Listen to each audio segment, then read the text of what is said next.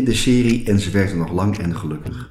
Een serie gesprekken met toonaangevende professionals die de menskant van zaken centraal stellen, spreekt mijn collega Lotje de Brouwer deze week met Siert Nutma.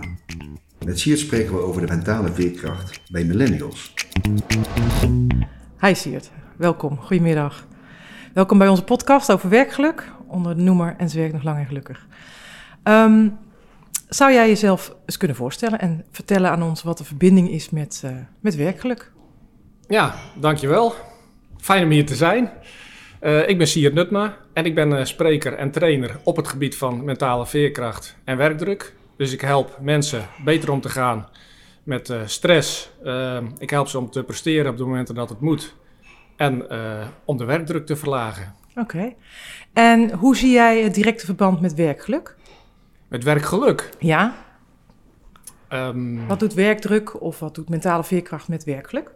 Ja, er zijn, uh, dat, dat vind ik gelijk een hele goede vraag. Want al die begrippen, die worden, ja, die worden tegenwoordig door elkaar gebruikt. Weet je wel, uh, werkdruk, werkstress, uh, werkgeluk. En het is natuurlijk een hele goede vraag om met elkaar te gaan ontdekken van ja, wat is dat nu eigenlijk? Wat houdt dat, wat houdt dat nu in?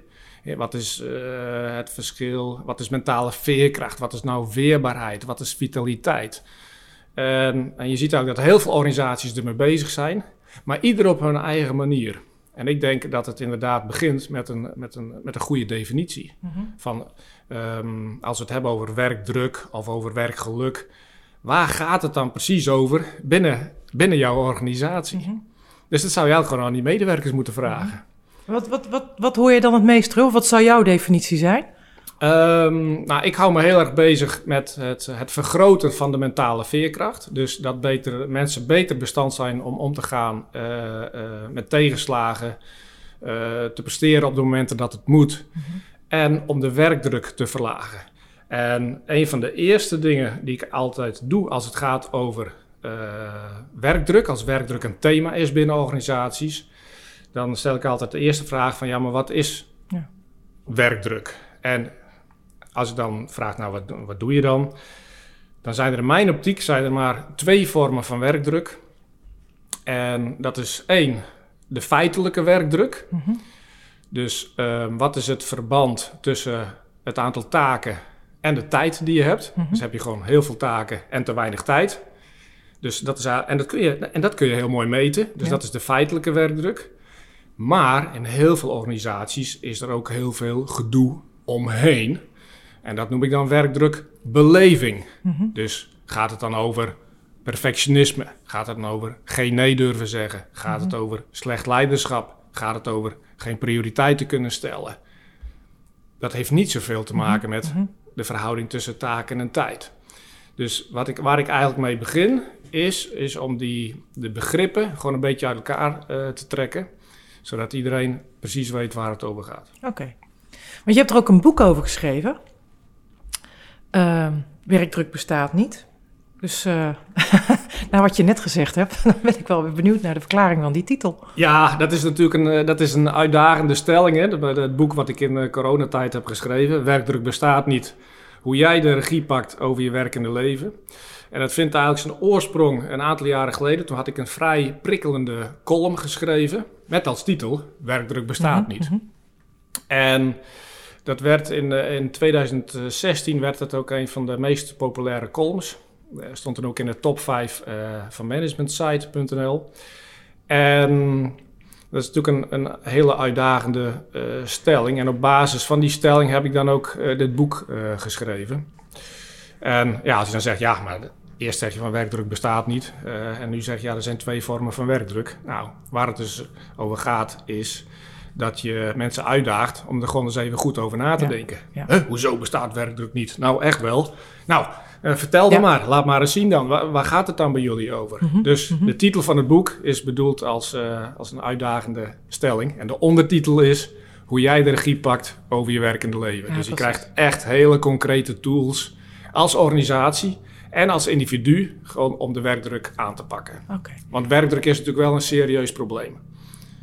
Ik denk het wel, ja. En zeker in deze coronatijd, volgens mij. Want ik hoor heel veel mensen uh, toch wel heel, veel, uh, heel erg zoeken naar de balans. Hè? Dus je, stapt uit bed meteen de eerste Teams me- meeting in. En ehm, eh, dat gaat door tot, eh, tot iemand je echt eh, achter je pc vandaan komt trekken... eh, omdat de aardappels klaar zijn, bij wijze van spreken. Ehm, je hebt het ook in deze periode geschreven. eh, om die reden? Of eh, omdat je tijd had? Of wat? eh? nee, nee nou, het, ja, het lag al in de, of het zat al in de agenda natuurlijk om dit boek te schrijven, omdat ik aan de hand van mijn eerste broer, een boek, Mentale Veerkracht voor Professionals, daar kreeg ik heel veel reacties op. Heb ik ook, mag ik ook nog steeds heel veel trainingen en lezingen ingeven, nu natuurlijk online. Ehm, van hoe ga je om met druk, hoe ga je om Mhm. met spanning. En ik kreeg steeds meer vragen die werkgerelateerd waren. Dus ja, maar bij mij op het werk. En toen dacht ik van, hé, hey, dat is dus kennelijk eh, gewoon een apart thema. Dus vandaar ook dat ik dus dit boek eh, heb geschreven specifiek gericht op het aanpakken van werkdruk. Oké, dus eigenlijk vanuit mentale veerkracht. eh, waarbij je misschien jezelf in eerste instantie eh richtte ook op, nou ik noem maar even particulieren.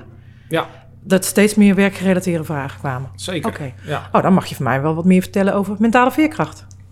Ja, nou, ehm, ook dat is natuurlijk gewoon een begrip wat ik, eh, ja, wat ik probeer te definiëren. En hij heeft natuurlijk ook met eh, de ervaringen hè, van ja, hoe kom je nu aan die wijsheid? Nou, dat ik daarover spreek over mijn eigen ervaringen als eh, oud beroepsmilitair, als oud politieman, als avonturier die nou, een aantal extreme expedities eh, heeft ondernomen, maar ook een periode van mijn echtscheiding. eh, een periode dat ik dakloos ben geweest, op straat heb geleefd. En op een of andere manier het vermogen heb gehad om daaruit eh, uit op te krabbelen. En, ehm, en toen ontdekte ik eigenlijk een soort van formule. Dus, dus al die ervaringen uit mijn eigen leven. Die, eh, ik denk van ja, toen ik de, de mogelijkheid kreeg om daarop te reflecteren, toen dacht ik van ja, wat heb ik nou eigenlijk eh, gedaan en hoe werkt het dan voor anderen? En toen ging ik daarover in gesprek met ondernemers, eh, met topsporters, met zogenaamde high performance teams. En ik dacht van wat maakt die mensen nou uniek? Dat ehm, zij niet aan die stress onderdoor gaan, Mhm.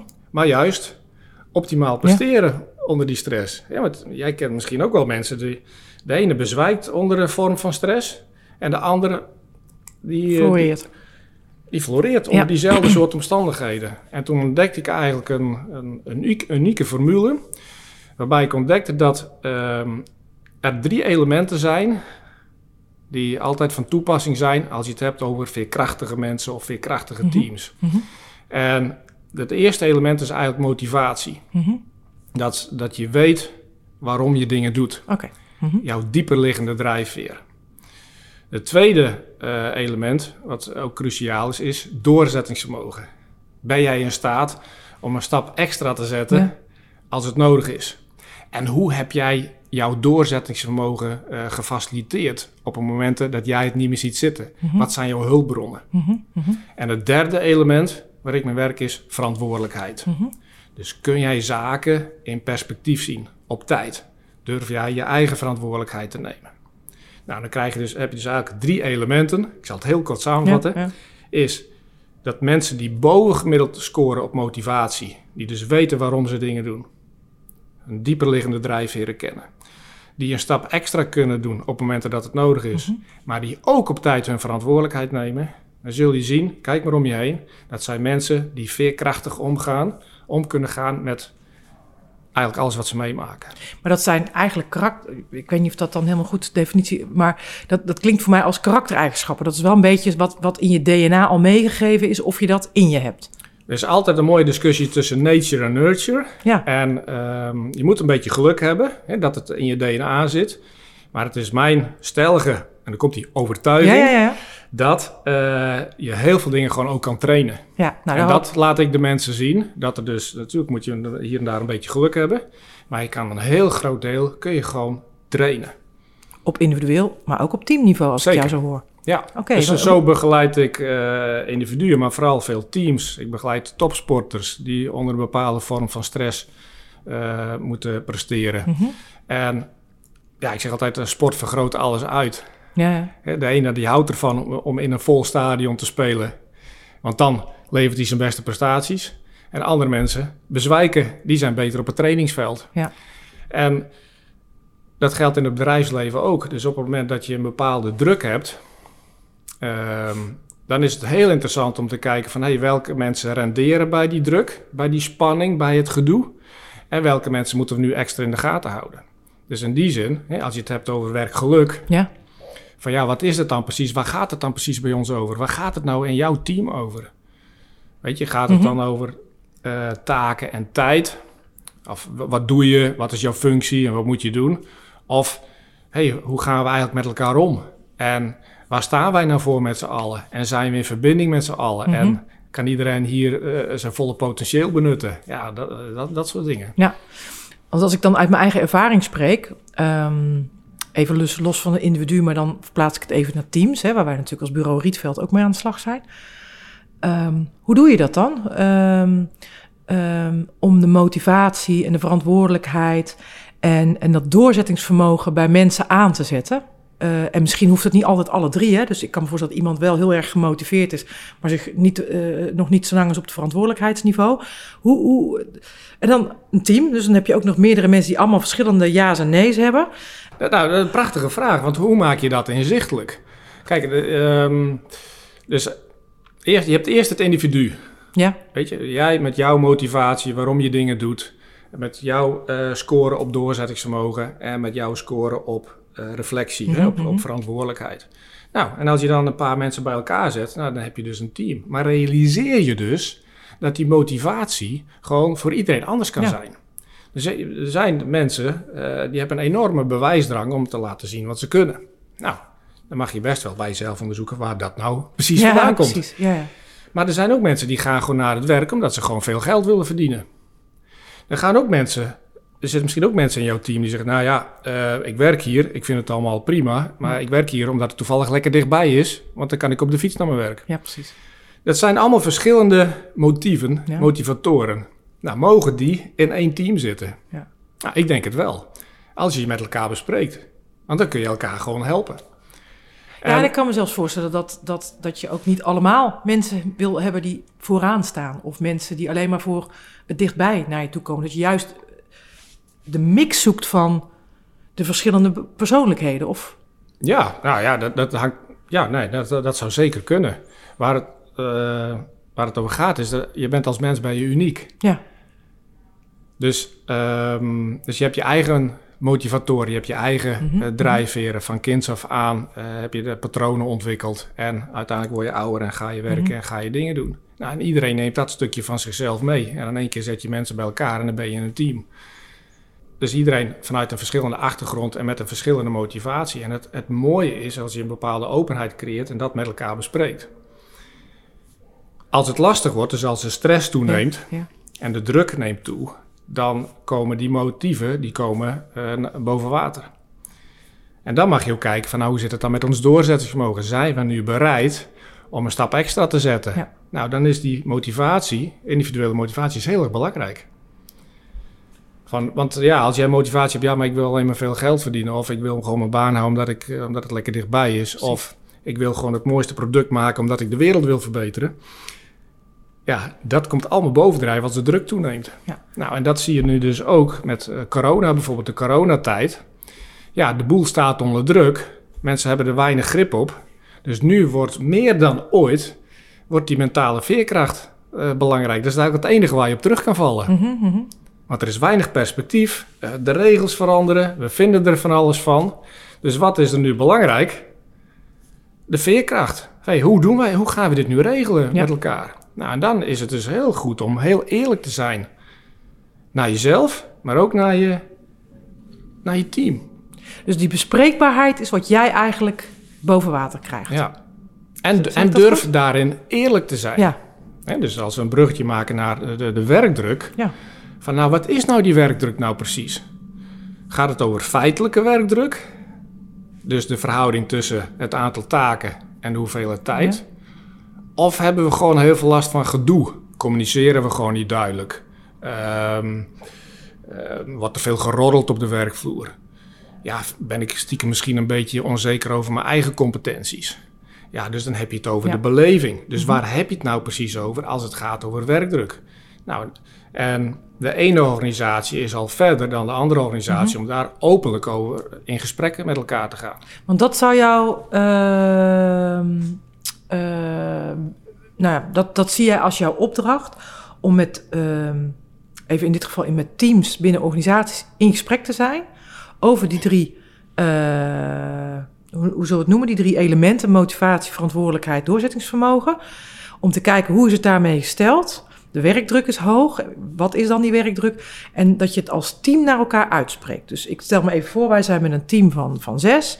Dus dat wij het gesprek met elkaar daarover kunnen en durven voeren. Waarbij we, nou, ik noem maar even het achterste van onze tong laten zien eh, over die elementen. Ja. Dat, is, dat is wat jij eh, kunt brengen. Ja, ik noem dat, eh, ik noem dat de thermometer erin steken. Ja, precies. Ja. Nou, dat is best wel spannend, denk ik, om dat ehm, met een groep te doen. Ik kan me voorstellen dat dat best wel lastig is eh, eh, in teams. Loop je daar tegenaan? Nee? Nou, dat kan soms heel erg spannend Ja, zijn, ja. want eh, je, je, vraagt iets, je vraagt iets van de mensen. Een bepaalde openheid en transparantie en eerlijkheid. En, ehm, en maar wat je ook ziet is, we zijn vaak wel heel goed om dingen te meten. Hè, want dan doen we een eh, medewerkerstevredenheidsonderzoek of, of een PMO. En dan gaan we dingen meten en dan staat het op papier. Maar de vraag is dan altijd van, wat heb je nu precies gemeten? Ja. Dus kijk, als je een vraag in, in zo'n PMO staat, dan de vraag van, nou, ervaart u wel eens werkdruk? Nou, dat, eh, dan kruist iemand ja aan, maar die weet eigenlijk helemaal niet precies wat werkdruk nou is. Mhm. Komt het nou door gedoe of Ja.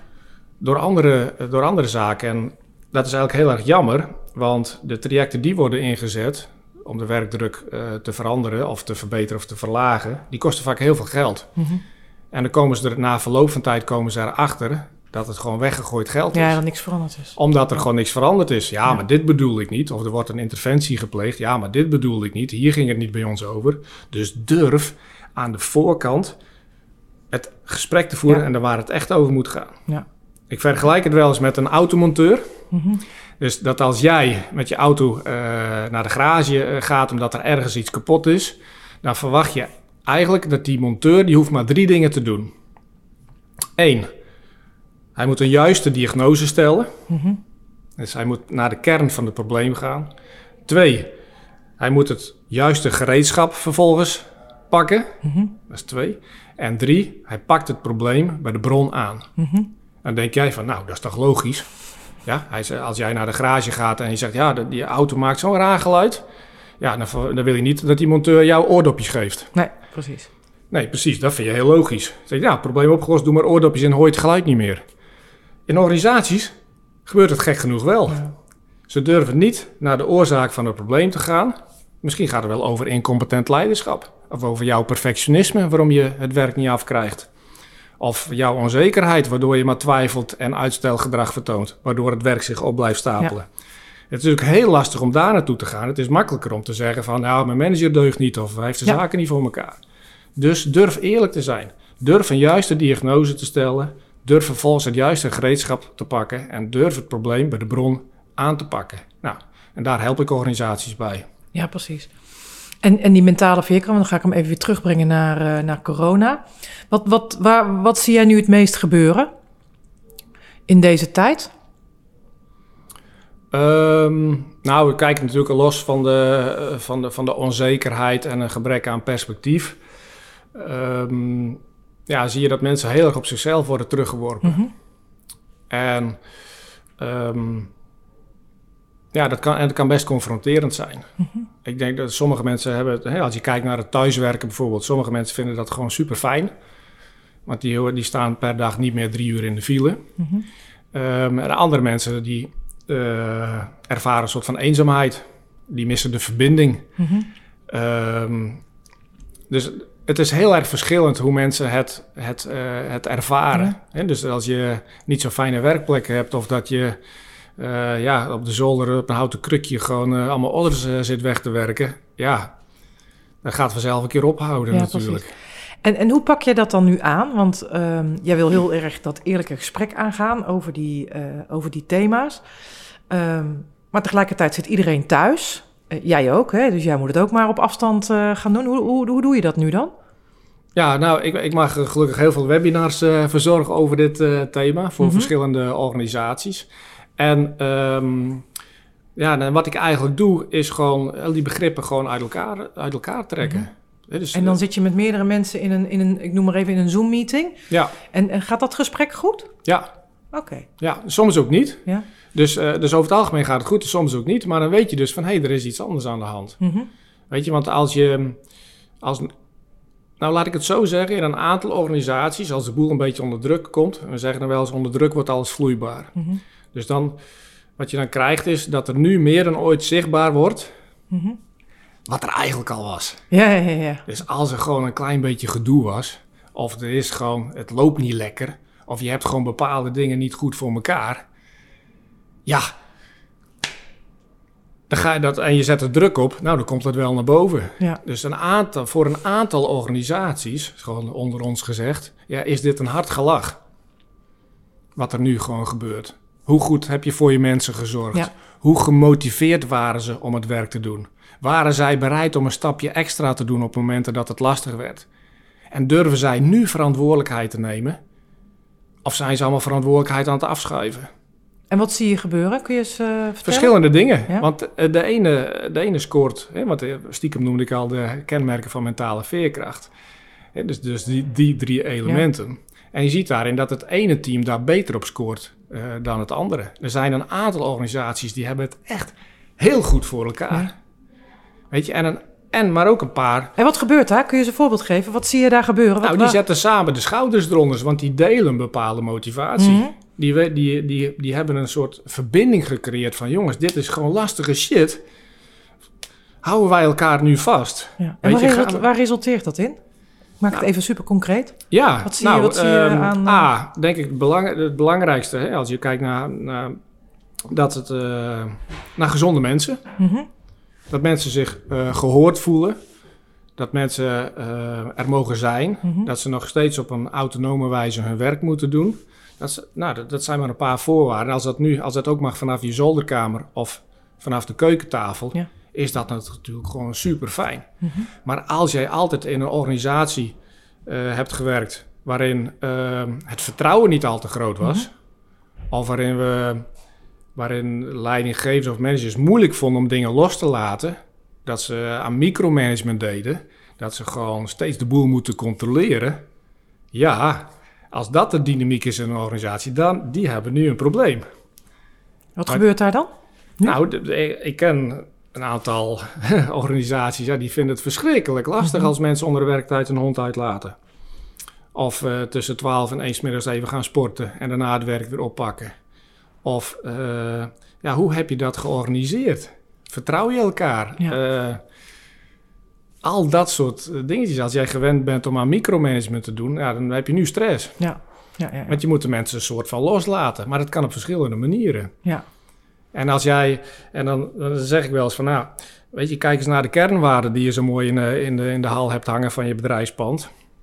Ga daar eens naar leven en ga eens Ja. kijken wat er dan Ja. gebeurt. Ja, ja, dat is voor ons altijd een leuke uitdaging bij eh, opdrachtgevers. Ja, kernwaarde is één, maar doen is twee. Ja. Ehm, ehm, ik, ik lees best veel eh, eh, berichten eigenlijk dat, eh, wat ik eigenlijk zelf van tevoren niet had verwacht, als iemand mij ooit het scenario had geschetst wat nu speelt hier, dat die millennials het zo ingewikkeld vinden. Dat die er eigenlijk, dat die eigenlijk het, misschien wel het, het meest lijden onder, onder, onder corona, onder thuiswerken. eh, Ehm, en, en dan heb je het over natuurlijk kinderen thuis en, en, en, en angst voor het verlies van een baan misschien wel. Wat, wat kom jij daar, word, word jij daarvoor ingeschakeld? Ervaar je dat ook? Kun je daar wat, wat duiding aan geven? Ja. ja, ze zeggen wel dat, eh, ja kijk, ik denk dat elke eh, kleine kinderen, eh, de, de, de oudere mensen, maar ook de millennials, iedereen heeft het, ja, dealt op zijn of haar manier nu met deze huidige situatie in deze tijd waar we in zitten. En als het dan gaat over millennials, ja, dat, dan, dat zijn wel de mensen die er gewend zijn om, die, die jonge kinderen hebben, dus die plotseling thuisonderwijs moesten verzorgen, die gewend zijn om erop uit te gaan. Dat kan ook niet meer. Die gewend zijn om veel sociale contacten te hebben, dat kan ook niet meer. Die, nou, dus dat is ook een groep hè, die gewoon eh, geraakt wordt. En en dan nogmaals, voor sommigen is het een hard gelach. Want als je dan als gezin thuis zit eh, en je zit allebei te werken, hè, als we uitgaan van nog een soort van standaard gezin, Ja, hè, ja, ja. een man, vrouw of twee vrouwen of twee mannen, alle, alle combinaties zijn mogelijk, met of zonder kinderen erbij. En ehm, je komt er eigenlijk, en dan zeg ik het maar zo, eigenlijk erachter ja, dat het thuis eigenlijk niet zo prettig is. Ja, dat kan een hard gelach zijn. Ja. Weet je, dat, dat, dat je misschien je relatie toch niet zo fijn is eh, als je dacht. En in één keer zit je 24 uur bij, op elkaars lip. Andere mensen hebben het wel juist wel weer heel fijn. Ja. En dus het is in die zin ook, ook heel verschillend. Maar dit is natuurlijk, als je het hebt over millennials, is het wel een, een soort van, ja, hoe zullen we het noemen? Een actieve groep. Mhm. En er wordt een heel veel activiteit ontnomen.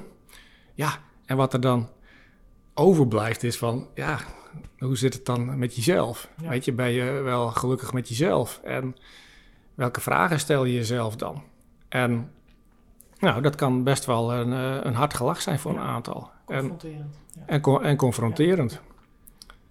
En Merk je dat ook in jouw eh, werk nu? Dat daar waar je wordt opgeschakeld... eh, Ik, ik heb geen idee, word je vooral opgeschakeld op teams? Of merk je dat jij nu ook vragen krijgt van... joh, ga jij eens met een bepaalde groep aan de slag? Ja, ja, ik word eh, ingehuurd om, meestal ingehuurd om stevige interventies te doen. Ehm, om eh, naar de kern te durven gaan. heeft ook alles te maken met, eh, met mijn achtergrond. Mhm. Dat ik best wel stevig eh, in kan zetten. En ook mensen echt dingen laat zien. Door Mhm. gewoon naar de kern te gaan. Door de juiste diagnose te stellen. Mhm.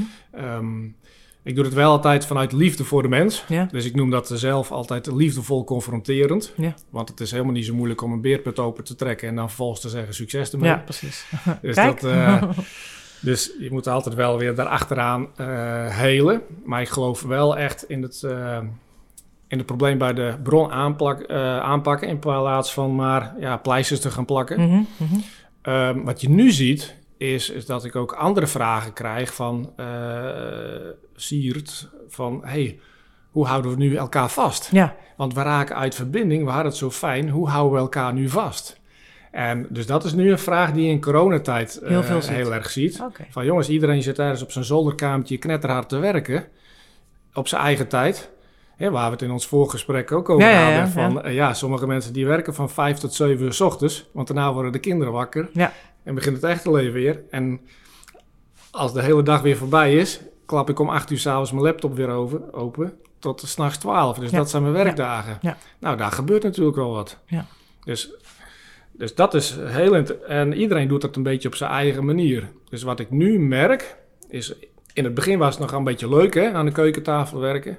En eh, niet meer in de file staan. En nu zijn mensen echt weer op zoek naar die verbinding. En eh, dat kun je op een hele, eh, hele mooie manier. Door middel van webinars, online meetingen. En waar het kan, ja, nu eventjes niet, maar waar het kan, wel ook gewoon fysiek bij elkaar Ja. komen. In het bos. Ja, precies. Een uurtje. Weet je, ehm, spreek met elkaar af in het bos. Hè, dat, hebben we tot voor kort ook gedaan.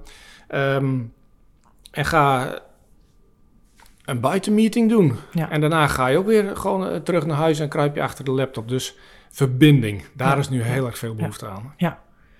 En dan noem je het voorbeeld van Bos, maar nou ben ik eigenlijk al gelijk getriggerd. Heb je nog meer tips, zeg maar? Want ik, ik denk dat dat wel heel herkenbaar is, die verbinding. Ook als ik gewoon bij ons bedrijf kijk, maar ook bij klanten. Hè? Dus om die verbinding weer een beetje op te herstellen.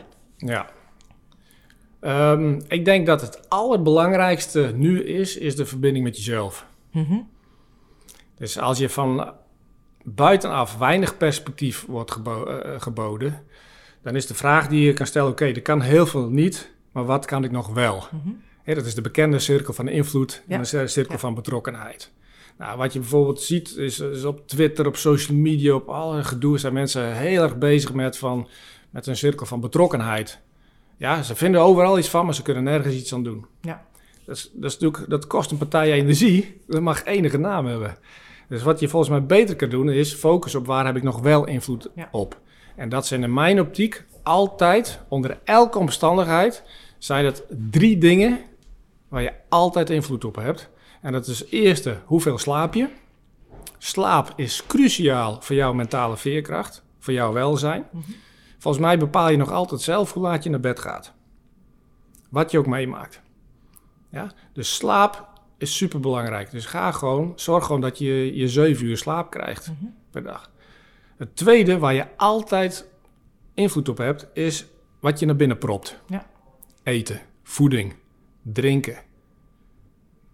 En het derde, waar je altijd kan beïnvloeden, is bewegen. Je kan, altijd, je kan altijd 20 minuten op een dag de tijd vinden om even te wandelen. Of om te gaan sporten. Of de hond uit te laten bewegen. Ja. Dus, en die drie zaken, dus gewoon slapen, je voeding en bewegen, zorg dat dat voor elkaar is. En je zal zien dat gewoon je veerkracht, dat dat je veerkracht op een positieve manier beïnvloedt. Want dan heb je gewoon de juiste energie om ook te dealen met de shit die er allemaal voorbij komt. Ik zou denken dat als jij hebt over in verbinding zijn met jezelf, dat je dan iets zou gaan zeggen. Dit inderdaad. Maar dat je ook iets zou gaan zeggen over ehm, je heel bewust zijn van wat voor dag staat er nou eigenlijk voor me.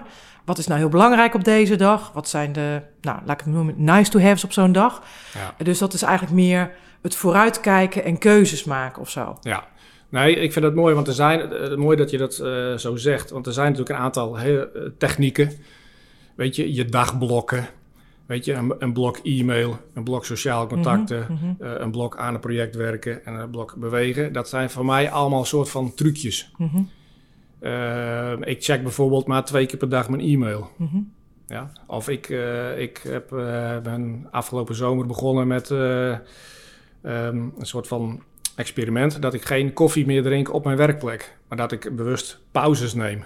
Dat ik dus, oh eh, ja, ja. dus eh, ik eet geen boterhammen en ik drink geen koffie terwijl ik achter de laptop zit. Ik neem echt fysiek afstand. En ik merk gewoon dat de pauzes veel effectiever worden daardoor. Mhm. En dat ik ook nog tijdens die pauzes gewoon de beste ideeën krijg. Ja. En daarna weer zin heb om achter mijn laptop te kruipen en het gewoon eh, eruit te gooien. Dat zijn van die, dat zijn, ik noem dat trucjes. Mhm. Weet je, of eh, s ochtends vroeg opstaan of eh, koud douchen of nou, allemaal dat soort dingetjes. Maar het is ook allemaal een beetje pleistergeplak. Mhm. Waar het aan de voorkant bij mij over gaat van hoe is het eigenlijk met je? Ja. Want als jij gewoon een klote relatie hebt, ja, kun je gewoon eh, om 7 uur s'avonds naar bed gaan of nog eerder. Maar je blijft je gewoon klote voelen. Ik kan zeggen, niemand die je mist, maar dat Dus ik noem maar een voorbeeld, hè? sorry. Ja, nee. Dus, dus durf gewoon eerlijk te zijn. Ja. Pak het probleem eh, Ja. eh, bij de bron aan. Weet je, als het, eh, als het op je werk niet lekker loopt... of je hebt last van een vervelende interactie... ja, weet je, dan kun je de muren wel oranje gaan verven in het kantoorpand... maar dan gaat het echt niet Nee, oplossen. nee, nee, nee, Wees precies. eerlijk, dus durf naar de voorkant van het probleem te gaan... En de juiste diagnose te stellen, zodat ik voor de hand ligt welke interventie erop moet volgen. Maar dat is super moeilijk. Als ik ehm, even reflecteer op mezelf. Hè, van ik kan zorgen wat ik eet, ik kan zorgen dat ik sport, dat ik goed slaap. Maar eerlijk zijn naar jezelf en gewoon zeggen van... ehm, wat gaat er goed en wat kan er beter bijvoorbeeld. Eh, en misschien wel langs de lat van eh, waar zit mijn motivatie, mijn doorzettingsvermogen en mijn verantwoordelijkheidsgevoel. Hoe doe je dat als je alleen thuis zit? En jij niet, bent niet opgeschakeld als bij een bedrijf. Of gaat dat gewoon? Hebben ze jou gewoon Ja, nodig? nou ja, dan mag je mij bellen. Ja, precies. nee, die is, die is, die is Nee, voor mijn eh, gevoel die is hoort die er wel echt gaat- bij. Waar het om Ja. gaat is dat je zelf die vragen durft te stellen. Ja, precies. Daar begint het. Dus, dus, ehm, en dat is inderdaad lastig. Weet je, want het komt ergens van, van jongs af aan, van diep komt het. Je hebt patronen ontwikkeld. Ja. Je hebt eh, overlevingsstrategieën ontwikkeld. Die, die in bepaalde omstandigheden heel succesvol waren. Maar die je nu in andere omstandigheden je een beetje tegen gaan werken. Ja. Ehm, even kijken. Ja, als jij een perfectionist bent... Hè, dat is natuurlijk, heeft dit al gelijk een hele rare klank in. Ik ben zelf ook een perfectionist, dus ik noem het liever kwaliteitsbewust. dus als je heel kwaliteitsbewust bent, ja, dan kun je er best wel eens lat- la- last van hebben dat Ja. de lat altijd zo hoog ligt. Ja. En, maar ja, het is heel moeilijk om dat van jezelf te zeggen. Het is, het is makkelijk om te zeggen dat je leidinggevende gewoon eh, niet deugt en dat hij jou veel te veel werk geeft. Ja. Ehm, het is ehm, makkelijker om te zeggen dat een bepaald protocol of een bepaald systeem niet werkt. eh, in jouw team of binnen jouw organisatie. eh, dan naar je eigen incompetentie te, eh, kijken. Ja. Dus da- daar kun je heel druk mee zijn. Als jij secretaresse bent en je weet niet hoe Excel werkt. En je krijgt elke dag moet je zeven Excel-bestanden eh, maken. Ja, daar kun je best druk mee zijn. Maar dat heeft niks met werkdruk te maken. Nee, precies. Ja. Het heeft met jouw beleving te maken. Ja. Dus het heeft met jouw competentie te maken. Ja. Dus durf het, al die begrippen een beetje uit elkaar te trekken en durf daarin eerlijk te zijn. Ja. En wat je vaak ziet is dat mensen dat prachtig geformuleerd hebben. eh, met kernwaarden aan Ja. de muur hangend. Eh, kunstwerken gemaakt. mooi de, de, de buitenkant eh, gemaakt. Ik, eh, ik geloof dat, dat jullie doen dat hè, als reclamebureau Rietveld. Jullie doen het ook op, een- op een fantastische manier. Helpen, jullie, de klanten, hè, helpen jullie die klanten daarmee?